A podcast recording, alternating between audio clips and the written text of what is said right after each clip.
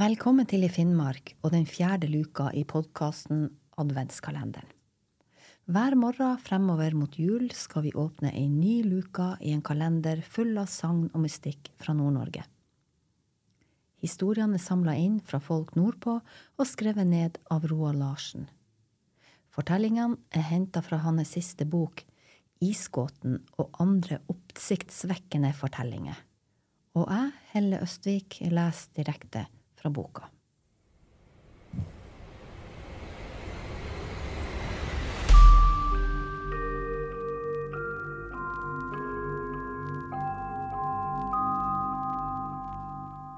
Vi åpner kalenderens fjerde luke med historier Minner på repeat.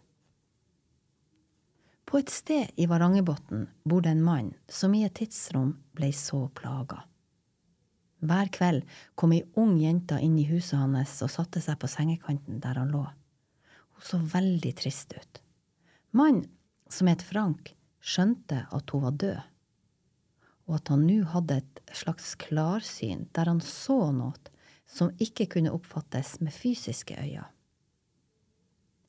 I lengden var de her uvirkelige kveldstreffene ikke til å holde ut, så Frank ringte til meg for å be om hjelp. Jeg heter Heidi og er opprinnelig fra et annet sted i Varangerbotn. Jeg driver blant annet med husrens og healing og kan prate med de døde. Før jeg dro til Frank, snakka jeg med en venn som heter Ståle. Ståle er veldig sensitiv for lyder, følelser, nyanser og uttrykk, og han fanger opp stemninger som få andre kan. Ståle hadde vært en kveld hos Frank, og han hadde da møtt denne mystiske jenta og mottatt en kort melding fra henne på en ikke fysisk måte. Hjelp meg, hjelp, hjelp hørte han henne si, om og om og om igjen. Så dro jeg til Frank. Det her huset som han bor i, tilhører i dag et borettslag og står midt i en ring med masse hus. Da jeg kom frem, måtte jeg gå bak huset for å komme til inngangen. Det var en smal sti som førte frem til trappa foran inngangsdøra. I samme øyeblikk som jeg skulle gå opp trappa, fornemma jeg plutselig at noe merkelig var i ferd med å skje. Da jeg snudde meg for å kikke tilbake dit jeg kom fra, så jeg at landskapet hadde endra seg. Husene i borettslaget var borte. Jeg så et mørkt landskap med en del trær, og tok inn at det gikk en sti rett ved siden av der huset står i dag. Og denne stien endte opp i et lite skogholt, en mindre samling av trær. Mens jeg tok inn det her synet, som jeg skjønte måtte være fra en svunnen tid, la jeg merke til at det sto en mann og venta ved siden av denne stien, litt nedenfor der jeg befant meg i nutida. Mannen var godt over 50 år, en eldre kar som var ru i huden, det vil si han hadde urein hud med ujevnheter i overflaten. Det var en grov mann svær av bygning, kraftig og hår og kledd i svarte vadmelsklær. Han sto og lurte der bak et tre. Straks ble jeg nysgjerrig og tenkte hva det her var for noe som utspilte seg. Så fikk jeg øye på ei jente som kom gående. Hun så veldig ung ut, antagelig rundt 20 år. Hun hadde på seg lys husmannskjole av strie og med et belte i midten. Kjolen gikk ned til anklene, og tanken var nok at den skulle holde henne varm. I mørket bak treet sto mannen, og det slo meg at han hadde planlagt det hele.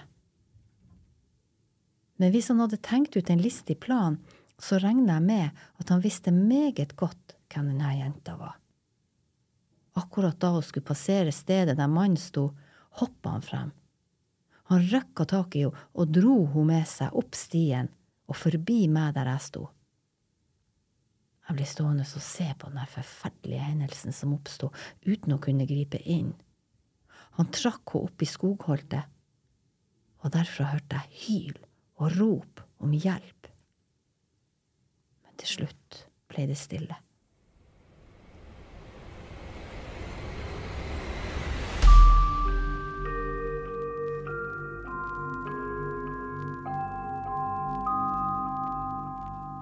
Rent intuitivt forsto jeg realiteten i øyeblikket og skjønte at jeg hadde tatt inn et tidsbilde fra langt tilbake i tid. En fremstilling som ga et bilde av en bestemt tid og hendelse, men også et minne. Når vi synske blir tilkalt på grunn av uro, for eksempel i et hus, kan vi ta inn slike tragiske minner hos hvileløse sjeler som holder til der.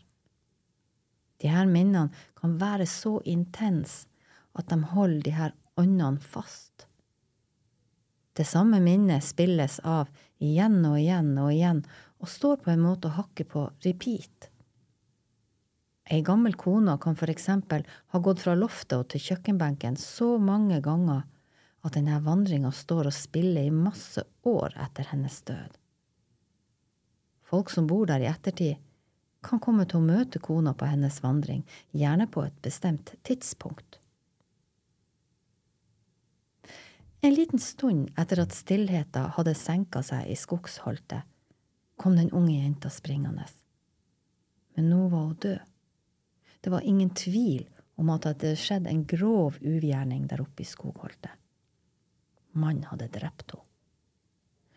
Jenta kom rennende rett bort til meg i full fart og sa Hjelp meg, hjelp, hjelp! Hun sprang i de sporene som hun hadde sprunget alle de her årene etter at hun var blitt drept. Siden jeg var på denne stia, sprang hun rett mot meg, stoppa og ba om hjelp. Da skjønte jeg at hun hele tida hadde vært fast i det her minnet som spilte om og om igjen. Jenta klarte ikke å bryte løs og makta dermed ikke å komme seg videre. Sjokket som overgrepet medførte, var så stort at hun rett og slett satt helt fast i denne erindringa. Det var så spesielt og så tragisk. Jeg sto ved siden av henne, og hun ropte Hjelp meg, hjelp, hjelp! angst og redsel lyste ut av henne. Men jeg sto der tett inntil henne og fikk roa henne ned. Jeg måtte frigjøre henne, så hun kunne gå videre til et nytt liv. Jeg ba om å få åpne en portal over til den andre sida, og da forsvant hun, før jeg visste ordet av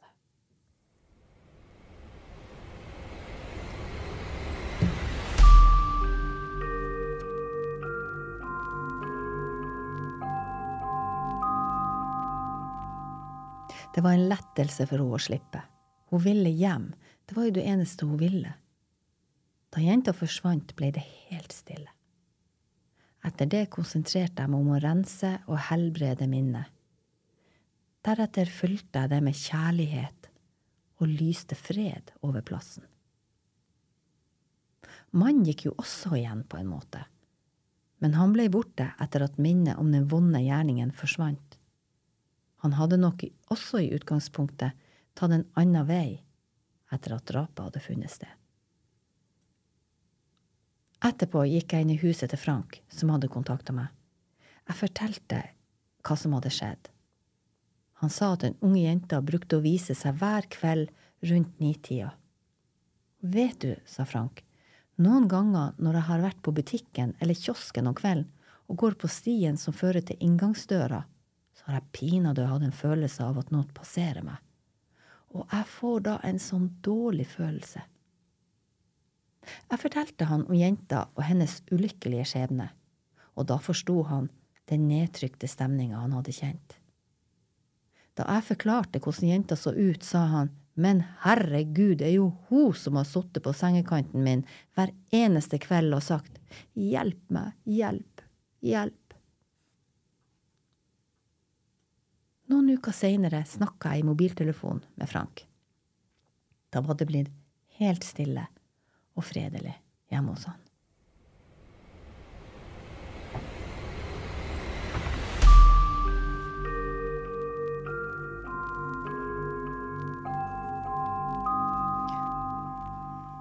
Det var fjerde luke i Finnmarks podkast Adventskalenderen. Mitt navn er Helle Østvik, og jeg har lest historien Minner på repeat fra Roald Larsens siste bok Isgåten og andre oppsiktsvekkende historier.